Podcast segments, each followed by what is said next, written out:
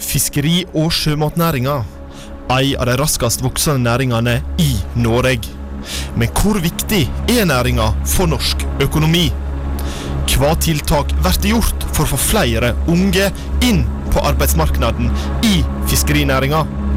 Og hvorfor er smutthullet så viktig, og hvorfor putter smutthullet komplikasjoner i vårt forhold til Russland? Velkommen til Bakrommet. Ja, Hjertelig velkommen til eh, bakrommet her på Studentradioen eh, i eh, Bergen. Mitt navn er Daniel Gangskar, og jeg skal leie dere trygt gjennom den neste timen. Vi skal prate om fiskeripolitikk og sjømatnæringa. Men jeg er ikke alene i dagens studio. Jeg har med meg Lidvar Sandven og Hallo. Lise Mai Sæle. Hei, hei. Vi skal se nærmere på hva fiskerinæringa har bety for norsk politikk, og ikke minst hva det har bety for norsk økonomi. Samtidig rekruttering parkeringskvote er blitt mye omdiskutert. Veldig kontroversielt. Men hvorfor er det akkurat det? Så skal vi se på en ny skatt som er blitt lagt til oppdrettsnæringa. Mange kommuner roper hurra, mens næringa sjøl ser på det med stor misnøye. Hjertelig velkommen til Bakrommet. Hei, dette er Ulf Leirstein. Du hører på Studentradioen i Bergen, program Bakrommet. Olje og gass har lenge vært en av de raskest voksende næringene i Norge, og selve grunnsteinen i det norske samfunnet og den norske økonomien. Nå er oljen og gassen begynt å trekke seg tilbake, medan fiskeri- og sjømatnæringa er ekstremt i framgang. Og hva, hva er det som gjør at fiskeri- og sjømatnæringa er så essensiell for oss i dag, Lidvar? Det jo at Eh, prisene har gått opp i takt med at oljeprisen eh, har gått ned. Eh, og nå omsetter vi fisk, og i den næringen er altså på 91,6 milliarder per år. Og den er jo snakket om at den kanskje kommer til å øke til over 100 milliarder eh, i, mot slutten av 2017. Så det er en veldig stor næring, eh, og den er kanskje større enn hva folk skulle tro at den var. Så kort svar på hvorfor den er blitt veldig stor. Høyere priser.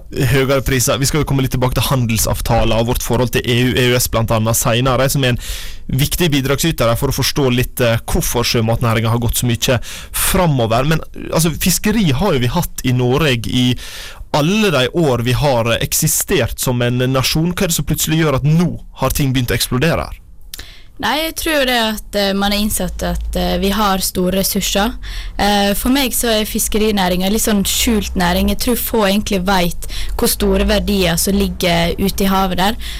og den enorme forvaltninga som vi driver av de ressursene. da. For konkret, når vi snakker nå om fiskerinæringa, så snakker jo vi om en del undergående tema. Altså, vi snakker jo om en del undergående næringer. Hva, hva er en del av de næringene, Lismei? Du har jo oppdrettsnæringa, du har vanlig fiske. Um, ja, kystfiskeflåten som, som, man kjenner til. Men det du nevner med oppdrettsnæringa, er det ei viktig brikke til at dette plutselig har skutt i været? Ja, jeg tror den har vært veldig viktig. Oppdrettsnæringa leverer jo mye laks til både Kina og andre store land som eh, utgjør en stor del av eksporten vår. For norsk fisk blir jo framstilt for å være blant det reneste, det skikkeligste og det beste markedet har å, eh, å by på. Er dette her et, et bilde vi eh, nordmenn har skapt for å kunne eh, profitere på det, Lidva? Ja, de har jo hatt veldig gode PR-agenter, de som driver med dette her. Og eh, mange som ser, på, nei, som ser, på, Norge som en fiskenasjon, tror jeg ikke ser på Norge som en oljenasjon.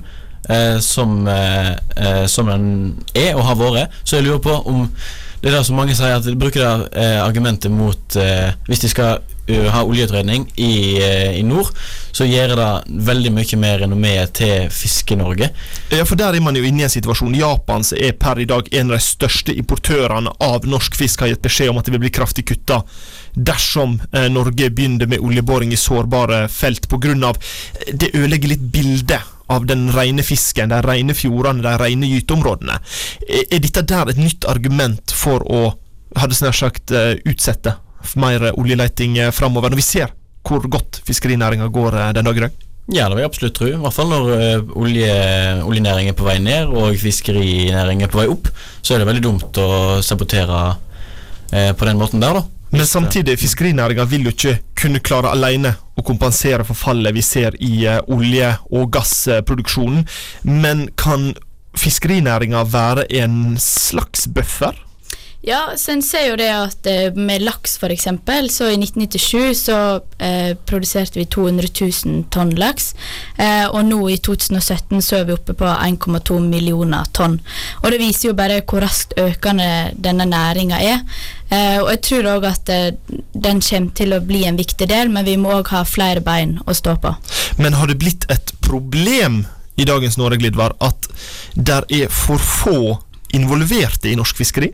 Man ser jo at man sliter med å få stadig flere unge inn på det. Vi skal komme litt tilbake til det nå etterpå, et tiltak som staten har akkurat på det punktet. Men er det, er det en problematikk at eh, det er for få ut av eh, meg og deg og Lise meg som går inn og, og får oss en sjark og bidrar?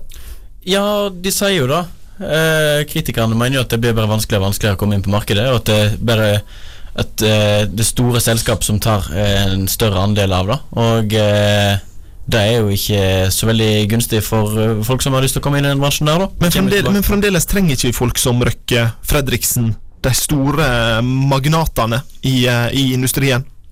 Jo Nei, altså Trenger de kanskje, men det hadde jo vært fint å ha litt eh, andre aktører òg, og ikke bare to store. Så de får monopol på all fisken. Hva tenker du, Lise Mai? Er dette viktige bidragsytere for at eh, norsk fiskeri skal kunne holde seg Ja, flytende? jeg, jeg tror vi trenger de eh, pengesterke investorene som eh, ser på hvor det er lurt å satse, og, og um, bli med og gi det et løft. da. Når vi kommer tilbake, skal vi snakke om rekrutteringskvote. Det er blitt nærmest bannlyst av flere av de store mennene i eh, mørke dresser, men det blir hylla av eh, ungdommen.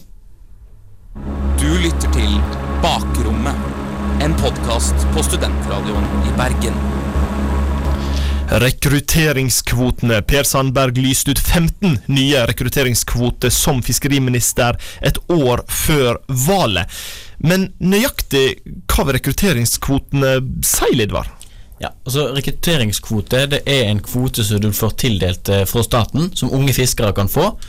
Eh, og Det har blitt delt ut ti sånne i år, og det skal bli delt ut 15 til neste år. Og i, i, I år så er det sånn at du kunne søke om rekrutteringskvote, og det er ingen som har søkt Eller ingen, eh, ingen år har det vært så mange som har søkt om rekrutteringskvote. Det melder altså Fiskeribladet, som jeg leser hver dag. Og eh, det er 97 søkere som har søkt om kvote for torsk, sei og hyse. Så man, er, man har opplevd rekordsøkertall på rekrutteringskvotene.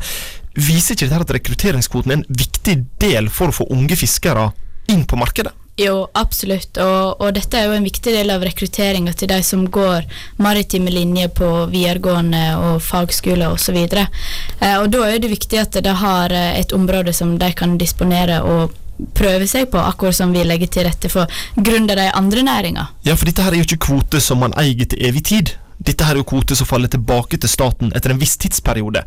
Så har man her kanskje funnet en ordning som gjør at her, vær så god, nå får du denne kvota, den kan du ha i fem-seks år, du får bygd deg opp litt kapital, så kan du kjøpe deg inn på markedet. Ja, jeg tror, det, jeg tror det er en veldig god idé, og, og det er veldig gledelig at det er så mange som søker seg til det, og det viser jo bare at optimismen er der. Men eh, jeg har jo prata med en del topper innenfor eh, fiskerinæringa her på eh, Vestlandet. Det var litt snikskryt i tillegg. De er veldig kritiske til rekrutteringskvoter. Fordi det blir tatt ut av deres fiskekvote i den teorien. Det blir ikke delt ut like stor andel fiskekvote til eh, de rike magnatene vi har. Er det et eh, hensyn man må ta? Bør man heller bare la de få lov å fiske mer, og så kan heller unge fiskere få hyre på deres båter, Lidvard? Ja, altså Hvor lenge skal en synes synd på sånne store Store, rike fiskere sånn der, da? Eh, jeg vet ikke. Eh, jeg syns ikke så veldig synd på de. Jeg syns at dette burde være et marked for uh, alle, ikke bare big corporate fishing industry. Jeg har faktisk en, eh, en trist historie her, Ja, eh, som er fra avisa Nordland. Med 25 år gamle Anders som kjøpte en sjark for 3,2 millioner. Men fiske får han ikke, står det i overskriften. Fiske får han ikke. Nei, han, får ikke fiske, da. Eh, og det er fordi at eh, det koster 1 million å kjøpe kvote til den båten han hadde. Fordi at eh, han kan kun kjøpe kvote til 700 000, og da får han bare fiske for halvparten av det som båten er bygd for. Ja, Vi skal ikke komme så veldig langt inn på selve kvoteordninga. Det er komplisert, det er vanskelig, og da trenger vi mer enn den timen vi har til eh, rådighet her på lufta i eh, dag. Men, men er dette der et, et problem som rekrutteringskvotene kan være med å kompensere opp for, Lise May?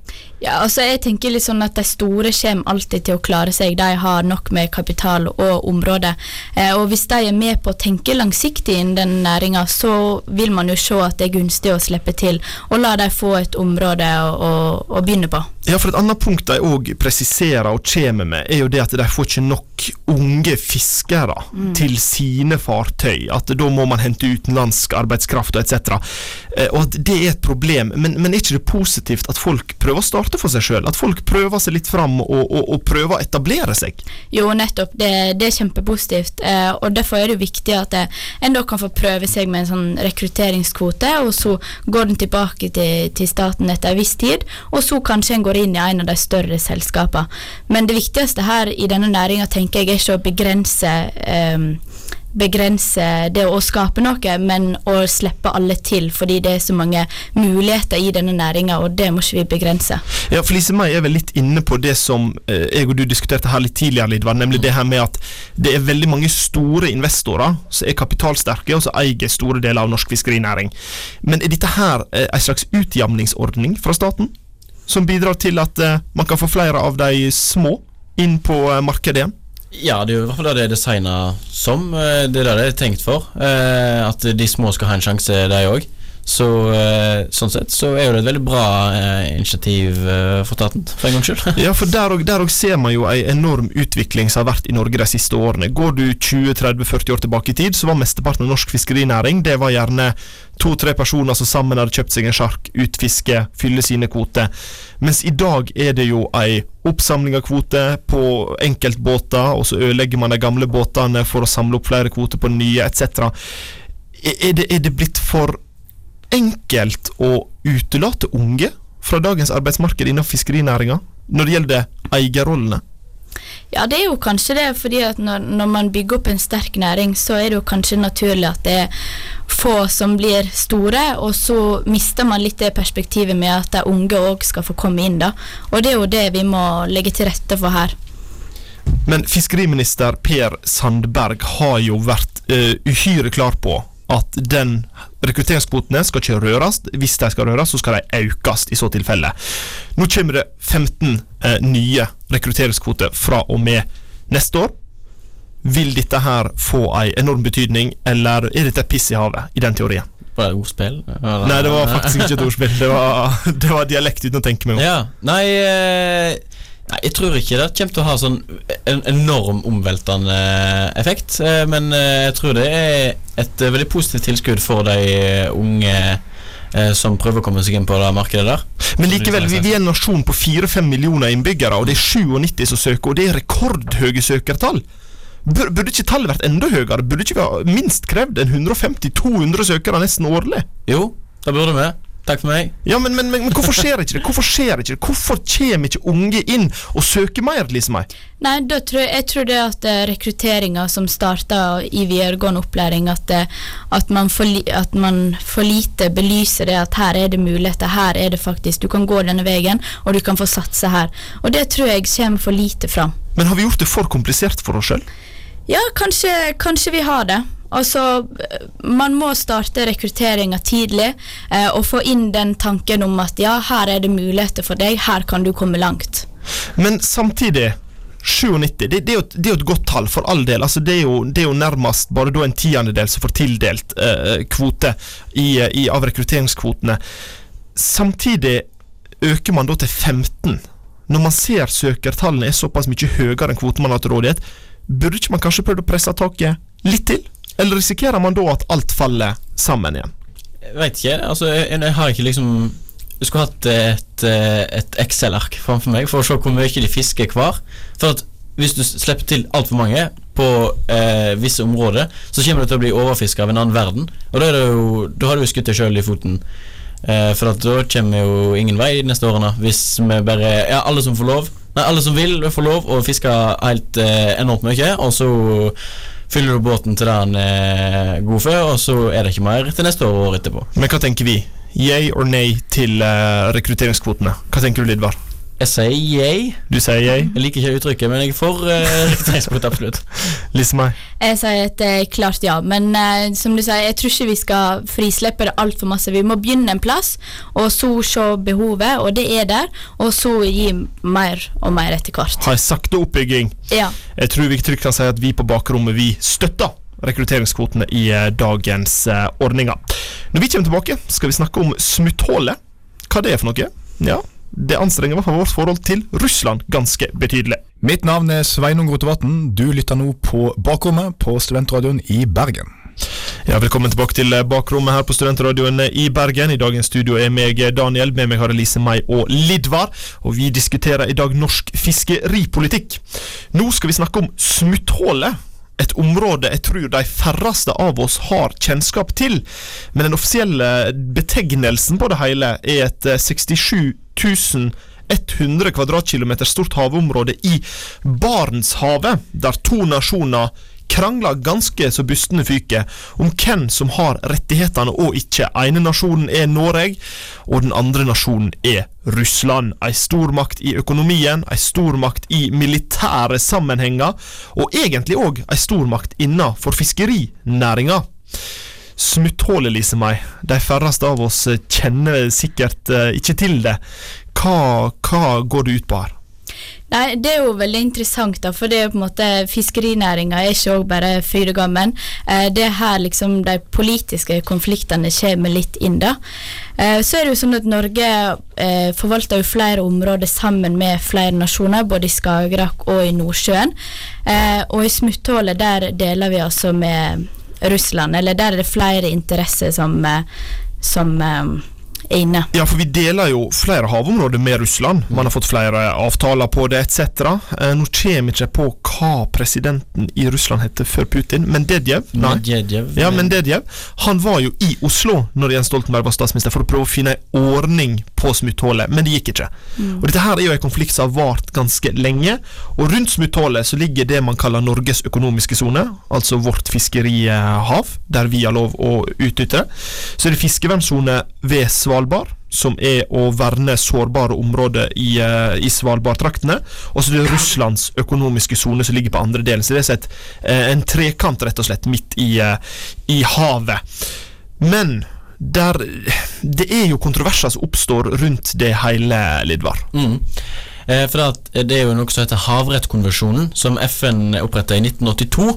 Eh, om de oppretta den da, eller om de oppdaterte den, det vet jeg ikke. Men den eh, konvensjonen den sier i hvert fall at eh, eh, de får ikke adgang til å iverksette kontroll- og håndhevelsestiltak tiltak, eh, overfor andre staters fiskefartøy på det åpne hav. Og smutthullet er jo apropos, apropos er jo absolutt et eh, åpent hav. Så det vil si at selv om torskebestanden i det området er regulert, så har Norge og Russland ikke muligheten til å gripe inn med fysiske midler, selv om de har veldig, veldig lyst til det. Ja, for det som skjer der, er jo hvis et utenlandsk fartøy passerer norsk økonomisk sone, så har vi lov å sette inn kystvakt. Vi har lov å eh, faktisk ta skipet i, eh, i eh, anholdning. Blir ikke det et rett begrep å bruke? Ja. Arrest er vel et godt gammelt uttrykk for det hele. Eh, men det har man ikke lov til i det som da erklæres som internasjonalt farvann, noe som smutthullet har blitt eh, betegna som. Men samtidig har man vel eh, brutt eh, de reglene òg, delvis, Lismai. Ja, um, for ikke så lenge siden så var det et litauisk eh, rederi som ble funnet skyldig, skyldig i um, og fikk dom for ulovlig fiske i smutthullet.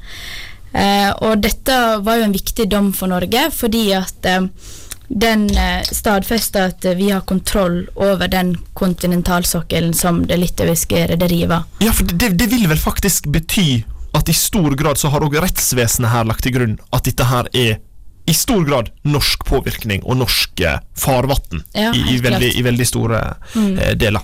Men da har jeg et ledende spørsmål. Ja, Hvorfor tar vi ikke bare smutthullet og deler de to? Det har vært prøvd.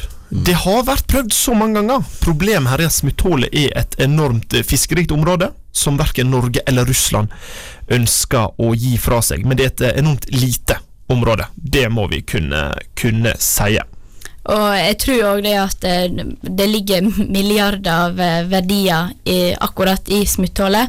Og jeg tror vi skal se langt etter å få en, eh, en lik deling av det området der. Jeg tror det her kommer til å vare framover. Utenriksminister Børge Brende opplevde for et års tid siden enorm på pågang fra det norske Stortinget fordi en norsk fiskebåt var blitt tatt i arrest i Russland etter å ha passert grensa med smutthullet og fiska. Så det betyr jo Russland har brutt samme regelverket som Norge i den teorien med eh, å ha tatt båtene inn til arrest, men det kom aldri en domsavsigelse i eh, saken. Er dette der et risikabelt område i den teorien at dette kan få diplomatiske konsekvenser, Lidvard? Ja, det er det. For det er så store verdier det er snakk om. Eh, både Russland og Norge har veldig store summer eh, investert i fiskerinæringen. Nå har jeg ikke tallet på Russland, men det er sikkert eh, veldig mange russiske Vi snakker nok en del milliarder. Vi snakker nok en god del eh, milliarder ja. i det hele. Men hva er risikoen vi egentlig ser overfor? Russland er stormakt. Vi har hatt et delvis anstrengt forhold til Russland over perioder, så har det normalisert seg. Men hvis man nå får en avgjørelse i saken, hvem har rettighetene til smutthull og ikke, og dette faller i Norges favør, mm. risikerer vi nærmest en blokade av eh, norske ressurser inn til Russland? Eh, det her er jo langt ifra forutsigbart, eh, men eh, det jeg tror er jo at, eh, at eh, denne knivinga fortsatt vil holde fram. Og så vil man jo uansett prøve å hente så mange milliarder for hver nasjon, da. Ja, for det siste tiltaket som Norge og Russland har enest om, er at ingen skal få lov å drive fiskeri i eh, smutthullet og uthente de ressursene som er der. Men er det en løsning, Lidvar? Er det en løsning å si at uh, godtebutikken er åpen, men ingen får lov å gå inn? Eh, ja, også på kort sikt så er det jo da. Eh, men det virker veldig som en midlertidig løsning, da. Eh, og så kommer spørsmålet når skal de sette seg ned og komme fram til noe som gjør at det går an å fiske i disse områdene her. Eh, og eh, det blir jo spennende å se, da. For at, eh, sånn som det er nå, så virker det veldig midlertidig. Og så har han jo òg sett at uh, Island uh, har òg uh, vært i, smutthullet når deres område var med dårlig fisk. da. Så en ser at det er jo flere som har interesser. Men, men er man i en situasjon der Norge kan si ok, Russland, dere får smutthullet, dere får det fiskeområdet der.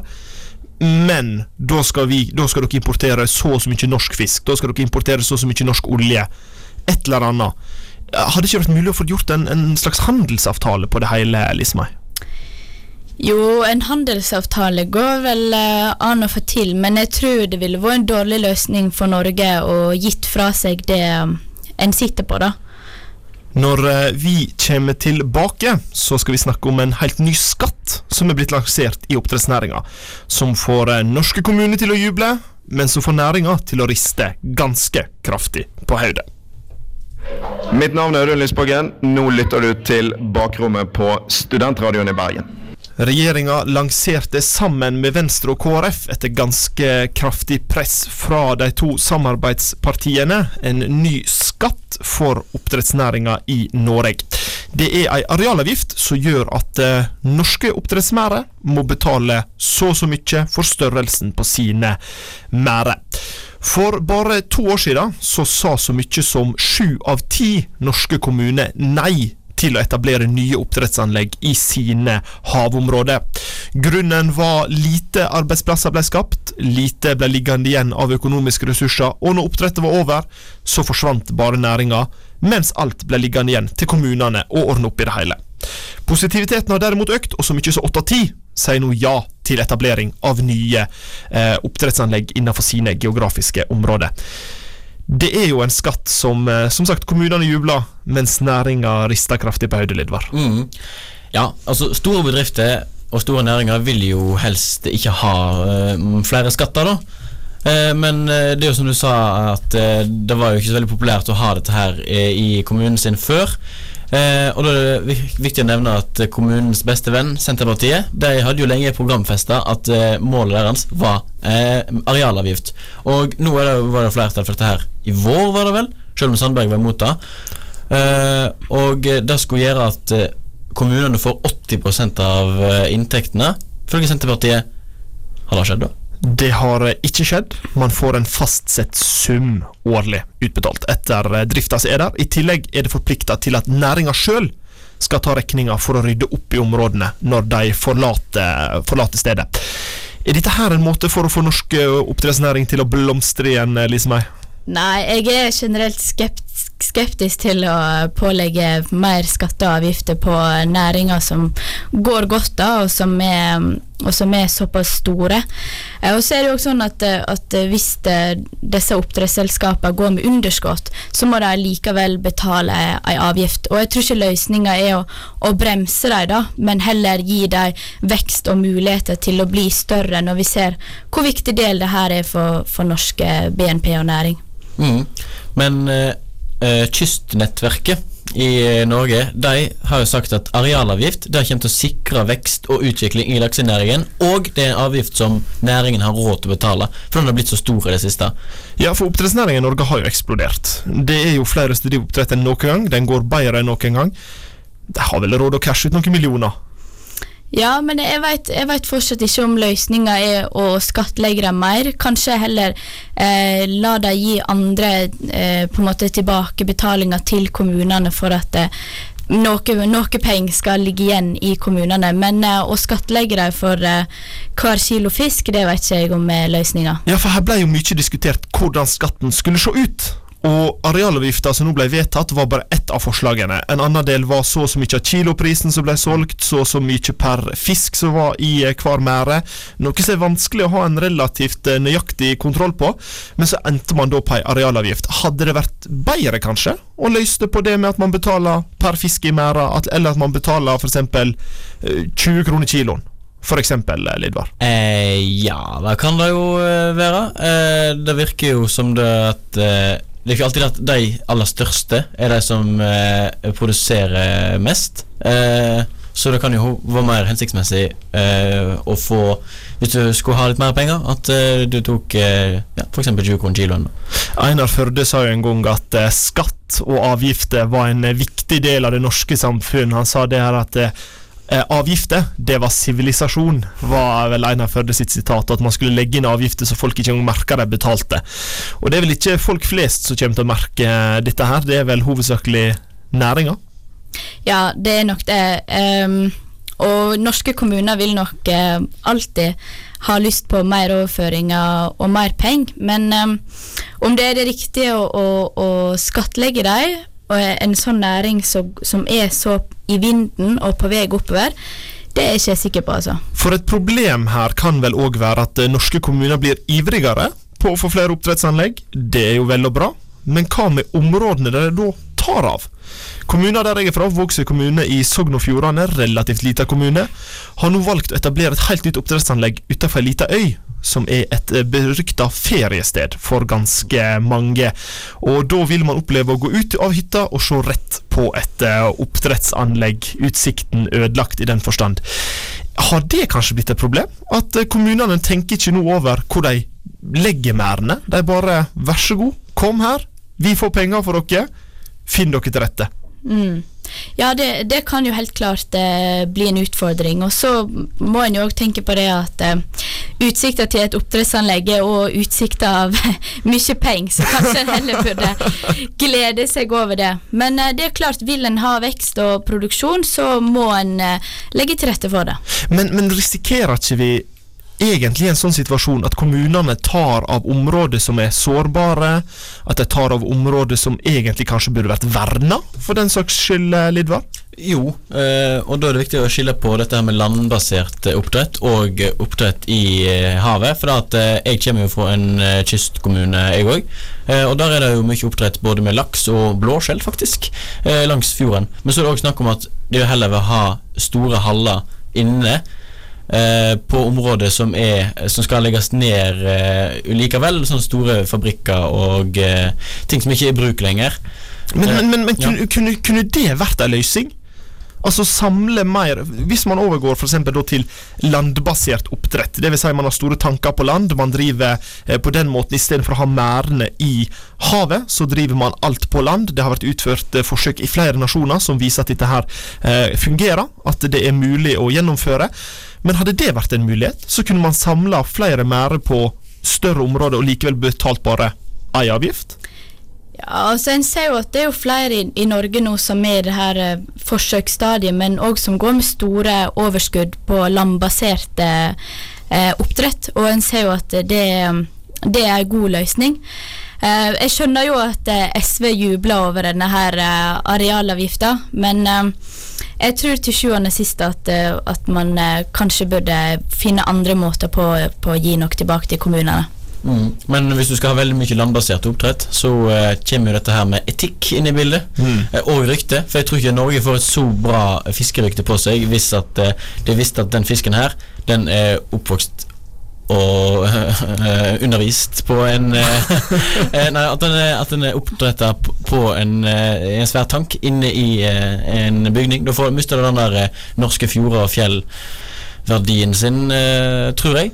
Så det er kanskje ikke løsningen å gå over til landbasert hvis vi ønsker å fjerne arealavgifta. Nei, jeg tror, jeg tror at uh, i framtida så vil vi ha noe landbasert, men uh, mest uh, i havet. Men eh, jeg ser jo det at eh, at eh, hvis en ser det her opp mot rekrutteringskvotene, hva signal sender en da til de unge som har lyst til å starte opp, at ja, her kommer det avgift på avgift, og, og kanskje prøve å bremse det her pågangsmotet, da. Hindrer vi unge nå med å komme seg inn i oppdrettsnæringa? Det skal kanskje klokere hode enn eh, oss tre prøve å løse. Vi skal eh, Når vi kommer tilbake, så skal vi prate om fiskeri versus landbruk. Hva er det egentlig som er forskjellene på måten vi driver norsk fiskeripolitikk og norsk landbrukspolitikk? Du lytter til Bakrommet, en podkast på Studentradioen i Bergen. Ja, det var nesten så jeg skulle sagt det sjøl. Dere eh, lytter nå på Bakrommet. I dagens studio er Daniel, Lise May og Lidvar.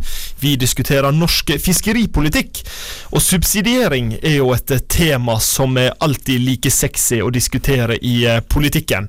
Og der har jo fiskerinæringa og landbruksnæringa ja, to relativt forskjellige verdener, kan vi vel si, Lidvar. Det vil jeg absolutt si. Eh, I år så er jo Norge det landet i verden som subsidierer landbruket sitt mest. Hold dere fast. 61% av eh, landbruks... Eh, heter det? Landbruksoppgjøret. Landbruksoppgjøret, ja. Ja, det er faktisk subsidiert av staten. Så det er jo nesten, eh, nesten to tredjedeler. Men eh, fiskerinæringen det får 27 milliarder i subsidier. Det er ca. en femtedel, en fjerdedel, av det landbruksoppgjøret endte på til slutt. slutt. Er dette et problem? At eh, norsk fiskeri ikke får mer hjelp fra staten? Eh, ja, om det er et problem Jeg, jeg ser det heller som, eh, som en gladnyhet, fordi hvor mye du blir subsidiert, sier noe om hva evne du har til å stå på egne bein sjøl. Og at eh, fiskerinæringa klarer det, er jo bare bra for oss, og samtidig at de viser de resultatene og, og den produksjonen som de har. Ja, for de får jo 27 milliarder fra staten, men de omsetter for nesten 92 milliarder kroner. Så vi kan vel trygt si det at fiskerinæringa de har betalt betalt seg, Idvar. Ja, de har det. Absolutt. Eh, jeg vet ikke om jeg har så mye å uh, fylle på. da Du, du har så gode eh, spørsmål når du stiller meg, for du sier mye informasjon først, og så stiller du meg et veldig ledende spørsmål. Eh, sånn, fort ja, nei, jeg bygger på på det du har sagt. Men, men er man her i en situasjon Altså Vi opplever jo at, at uh, landbruket har ganske sterke stemmer. De har ganske sterke interesseorganisasjoner. Og de har et parti som i stor grad har basert seg opp på å være landbrukspartiet. Er det et problem at fiskerinæringa ikke har eh, det samme? Eh, ja, det vil jeg absolutt si. Og grunnen til dette her er litt på grunn av at mot slutten av 1800-tallet så kommer denne bonderomantikken, ikke sant? Og den har, den har eh, blitt mye mer eh, Altså, bønder generelt blir sett på med veldig stor eh, positivitet, hvis det er et ord. Eh, Nasjonaldramatikk, Ja, skal vi si det? Ja, jeg syns det. Eh, Ja. I hvert fall i forhold til fiskere, som eh, eh, og Altså, fiskere, det er verdens farligste yrke. Faktisk. Ja, det- det er jo faktisk det. det. som dør eh, mest. Eh, i, Det er et, i- i det er et risikofylt yrke. Det da. Og eh, det, jeg tror ikke at eh, Du merker jo da når, det var oppgjør i 2014, var det da det var masse traktorer Ja. på Karl Johan? Ja. Da var det jo òg eh, eh, veldig sånn til og med Klassekampen Nei, eh, Dagens Næringsliv var liksom 'Å, stakkars bøndene, vi må stå opp for bøndene'. Men hvor blir det av støttespillerne til fiskerne? Er fiskerinæringa blitt glemt? Ja, jeg syns den er altfor mye skjult. da, At den ikke får fram hvor viktig den er for norsk BNP, for, for næringene våre. Og så er det sånn at eh, Fiske er òg en primærnæring, til liks med jordbruksnæringa. Og det er ikke sånn at fiske kom i 2010. Det har òg vært en næring som har blitt rasjonalisert og, ut, og um, mer teknologibasert. Eh, og da, da tenker jeg at eh, her skal ikke vi favorisere noen. Eh, og jeg tror også det tenker sånn, ja, hvem er det som fronter fiskenæringa? Er det den her eh, eh, reklamen hva, 'Godt med laks'? Nei, laks er viktig for Norge. Ja.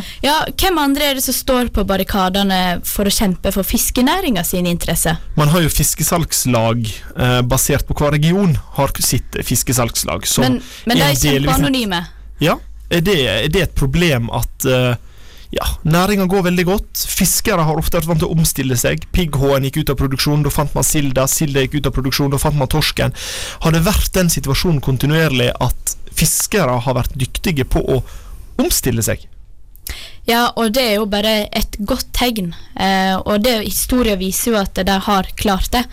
Eh, og da tenker jeg at eh, det skulle bare mangle da at de òg hadde kanskje ikke et helt parti, men eh, noen sterke interesseorganisasjoner som taler deres sak. da. Men er man litt i situasjonen her at landbruket kanskje er den litt svakere eleven i klassen, mens fiskeriet er eleven med toppkarakterer, men har det gjerne ikke så godt hjemme og blir derfor eh, oversett, mens eh, landbruket får eh, alle ressursene de trenger? Ja, det, det virker litt sånn, for at uh, de har veldig sterke sympatisører både blant folket og i, i Stortinget. Uh, bonde, bonde, bondesamfunnet, men altså bondebevegelsen i Norge. uh, den industrien der. Så jeg vil absolutt si det. Altså, fiskenæringen han blir banka i trynet hver gang han kommer hjem. Men nå har vi, nå vi snakka om oppdrettsnæringa. Der, har jo vi, altså, der er jo kommet tiltak har du snart sagt, i oppdrettsnæringa, i hvert fall for å få etablert flere merder. Så har man fått arealavgifter. Vi har diskutert rekrutteringskvotene. Altså, Er ikke dette her en slags form Hvorfor rekrutteringskvotene? Er ikke det en form for subsidiering? Det er vel mer en form for å legge til rette til at noe skal skje, eh, til liksom en gjør det i andre næringer, og, og et veldig godt tegn på, eh, tegn på at eh, flere kan komme seg inn, få en fot innafor. Men er man i situasjonen der fiskerinæringa egentlig trenger subsidiene? Altså En estimert verdi i utgangen av 2017 på 100 milliarder er jo en eh, verdi som lar seg høre. Ja, eh, den trenger det. På det at eh, det var det vi snakket om i stad. Folk som eh, ikke er inne på markedet ennå, må få lov til å gjøre det. Får subsidieres, så de får eh, make a living out of it, som de sier på nynorsk. Ja, for det, kan, det, kan, det være være en løsning på det hele? At man, eh, staten gjør det enklere, spytter inn et par milliarder mer, gjør det enklere for flere å komme seg inn i selve markedet. Kan det være en subsidieringsmåte som er effektiv for, eh, for fiskeriet? Det kan være en god løsning, ja, istedenfor å, å bare gi penger og her får du for å drive godt, men eh, heller for at noe skal skje, da, et insentiv på en måte. Eh, Men, Ja. men samtidig, flere stortingspolitikere sier jo, gjerne ikke i offentligheten, men i hvert fall eh, bak lukkede dører, at eh, sier det på bakrommet, sier det på bakrommet, og det er der vi eh, skal være. Men de sier jo det at landbruksnæringa er en næring som trenger økonomien, eller trenger subsidiene for å overleve, mens fiskerinæringa, de, de klarer seg jo veldig godt. Altså, dette her er den flinkeste eleven i klassa. Blir ikke det en veldig, en veldig feil tolkning på det hele her? Altså, underspiller ikke vi på mange måter verdien av fiskerinæringa, Lydvar? Jo, eh, det syns jeg absolutt vi gjør. Når du ser på den verdiskapingen som er, og den eh, positiviteten, eh, det engasjementet som har vært i den næringen i det siste, og hvor stor den har blitt, så må en jo se at eh, her er det store muligheter. La oss eh, spytte på med litt penger, da vel. Når vi kommer tilbake, så skal vi prate om kanskje noen av de viktigste brikkene for å få næringa til å gå rundt, nemlig handelsavtaler, og ikke minst da vårt forhold til EU og EØS. Dette er Liv Signe Navarsete, og du lytter nå til Bakrommet. Dama vi hørte der har jo flere ganger tatt til orde for å bryte EØS-avtalen. En del næringer ville kanskje jubla for det, mens flere næringer, bl.a. fiskeriet, de ønsker å beholde EØS-avtalen. Og hva er det som gjør EØS-avtalen så ekstremt viktig for fiskerinæringa, Lissemei? Det er jo helt klart den at den åpner for at vi kan handle med, med nasjonene eh, ved siden av oss, eh, og at vi kan drive en viktig eksportnæring som fiskeri. Uten EØS-avtalen og at vi har bindeledd opp mot EU, så hadde vi stått igjen med null. Ja, for det, er en eh, fiskerisamarbeidsavtale som ble utarbeidet i 1980, faktisk. Eh, og den sier da at eh, EU får lov å få et par kvoter i norske farvann, både i Nordsjøen, Barentshavet og rundt Jan Mayen. Men da får Norge lov å få kvote i EU-sonen i Nordsjøen og eh, litt utenfor britisk øye og utenfor Grønland. Så eh, sånn sett så virker det som en veldig god eh, deal for Norge. Han har ikke blitt rørt på 37 år, så det er jo eh, tydelig at eh, det er noe som fungerer her. Så til sjuende og sist så har ikke det bare eh, økonomiske eh, fordeler med tanke på salg av eh, norsk fisk, men det har rett og slett en betydning for hvor vi får lov å fiske. Mm. Men EØS-avtalen, altså det, det er jo flere som tar til orde for det. Nå er jo positiviteten til EØS-avtalen større enn den nesten noen gang har eh, vært. Det er jo godt over 70% nærmere 80% av norsk befolkning som virkelig setter pris på EØS-avtalen og ser eh, viktigheten eh, av den. Men hadde ikke norsk fiskeri klart å overleve uten EØS-avtalen? Det omsetter jo for nærmere 100 milliarder i året. Ja, men det er nettopp det at du må ha et marked for å selge noe, og EU er vårt viktigste marked.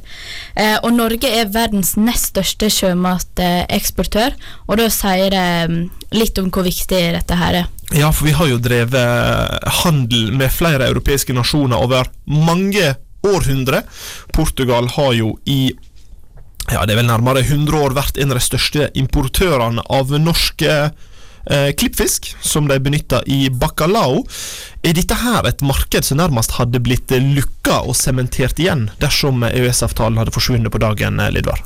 Da skal du ikke se fra, Daniel, for at eh, handelen av sjømat innenfor EØS da foregår jo uten eh, grensekontroll. Eh, så det er jo et veldig, veldig fritt marked eh, sånn sett, også, så lenge du er med i eh, EØS.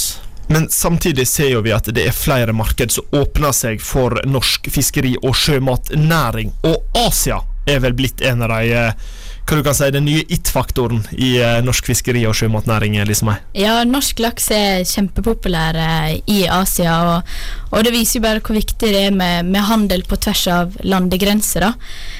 Eh, ja. Men, men hvis man er da i situasjonen EØS-avtalen forsvinner, man mister tilgangen til det åpne markedet i EU, hadde ikke det vært mulighet til å kunne basert seg på nasjoner som Japan, som Kina, som i dag er blant de største importørene av, eh, av norsk fisk? Så, men jeg tror eh, EU er 60% av vår, eh, av vår eh, eksport. Eh, og da tror jeg det at, at Man, da, at eh, det ville falt? Ja, altså hvis du hadde eh, Du så jo det i valgkampen at eh, oppdrettsnæringa sa at du må ikke kutte EØS-avtalen, for den er helt essensiell for oss. Så jeg tror det er helt urealistisk å diskutere om man skal ha det eller ikke, fordi den er så viktig. For at eh, Norge forhandla veldig lite fisk med Kina mellom 2010 og 2006. Og det var jo mellom disse årene at fiskerinæringen begynte å vokse for alvor. Og eh, da kan en si at han ble, ble liksom avhengig av EU og EØS der. Eh, kanskje da, kanskje ikke, men i hvert fall nå ble forhandlingene normalisert igjen for eh, et års tid siden. Og eh, vi eksporterer jo ekstremt mye til, til Kina. Men samtidig snakker vi nå om de økonomiske fordelene vi får av EØS-avtalen. Ja vi, vi får med en del handelsavtaler. Men er ikke vi litt i situasjonen der disse avtalene faktisk kan være med på å eh, ikke nødvendigvis regulere, men eh, bidra til bedre drift, altså i form av regelverk, i form av eh, altså lovpålagte sekvenser som må være med i spill for at vi skal få lov å være med i EØS-avtalen. F.eks. innenfor oppdrettsnæringa, lakselus vært et problem over veldig lang tid. Der har jo de strengeste reguleringene kommet ifra nettopp EU. EU. Ja, og, og reguleringer og, og regler følger jo med når man, når man deltar i et samarbeid for at dette her skal fungere. Eh, og jeg tror det at eh, at uten dem, altså vi er nødt til å ha noe som sier om hva restriksjoner jeg skal ha. Ja, eh, det er jo som jeg pleier å si. Vet du hva som er likheten mellom eh, EØS og eh, ekteskap? Mister selvråderetten, men du får tilgang til det indre markedet. Ja, og så er det jo Vi eh, deltar jo bare gjennom EØS-avtalen, sant? Eh, og, og hva gjør det når vi ikke har noen eh, klare stemmer? Har vi noen klare stemmer inn mot EU der viktige avgjørelser skal bli tatt? Men EU altså Vi må jo nå en liten stund tilbake siden sist gang vi hadde en folkeavstemning for eh, EU eller ikke i Norge. Da var det nærmest vedtatt at Thorvald Stoltenberg skulle inn som fiskerikommissær i, i EU. Hadde det vært en fordel for Norge å kanskje gå inn i EU? Kunne det ha styrka norsk fiskeripolitikk i henhold til at mest sannsynlig så ville man fått en, en norsk fiskerikommissær, Lisme? Det hadde klart vært bra for Norge. Nå er nok ikke spørsmålet like aktuelt, men eh, jeg tror nok vi hadde fått eh, noe gode ut av det, ja. Men er vi i situasjonen der eh, verden er så avhengig av norsk fisk som er mulig å komme, eller er man i situasjonen der Norge fortsatt må ha best mulig handelsavtaler for å kunne egentlig overleve? Nei, det som jeg pleier å si eh, Å, Nei, ja. jeg tuller. Eh, altså, kan du gjenta spørsmålet? Er man i situasjonen der verden er avhengig av eh, norsk fisk, eller er man i situasjonen der Norge er avhengig av verden for å klare å eksportere Nei, syns norsk det, fisk? jeg synes det er en god blanding. Jeg, eh, jeg tror eh, veldig mange eh, land er veldig avhengig av den gode norske fisken. Ikke avhengig, men de er veldig eh, ute etter den. da Eh, og jeg tror absolutt at eh, Norge er veldig godt tjent med den avtalen, og eh, verden generelt. Ja, Nå er vi jo verdens nest største sjømateksportører, så det er klart at verden er avhengig av oss. Men vi òg er avhengig av å ha et, marked å, å selge den i. Det var så kloke ord at jeg velger å la det være avslutninga nå. Hei, dette er Ulf Leirstein. Du hører på Studentradioen i Bergen, program Bakrommet. Som alle gode ting i verden, så har vi òg kommet til veis ende her i eh, dag. Tusen hjertelig takk til dere to som kunne komme i studio her med meg i dag. Eh, Vår politiske kompetanse Lise Mai Sæle og vår eh, delvis dårlige huskomiker eh, Lidvar Sandven. Noen gode sitat som kommer innimellom derifra. Ja. Husk at du kan finne oss på srib.no slash bakrommet. Der legger vi ut alle våre podkaster. Du kan også finne oss på Soundcloud, der vi legger ut alle intervjuene våre fra spørretimen etter hvert som de blir gjort. Dessverre fikk ikke vi et intervju i dag. Årsaken til det var at i går var den offisielle åpninga for det 162.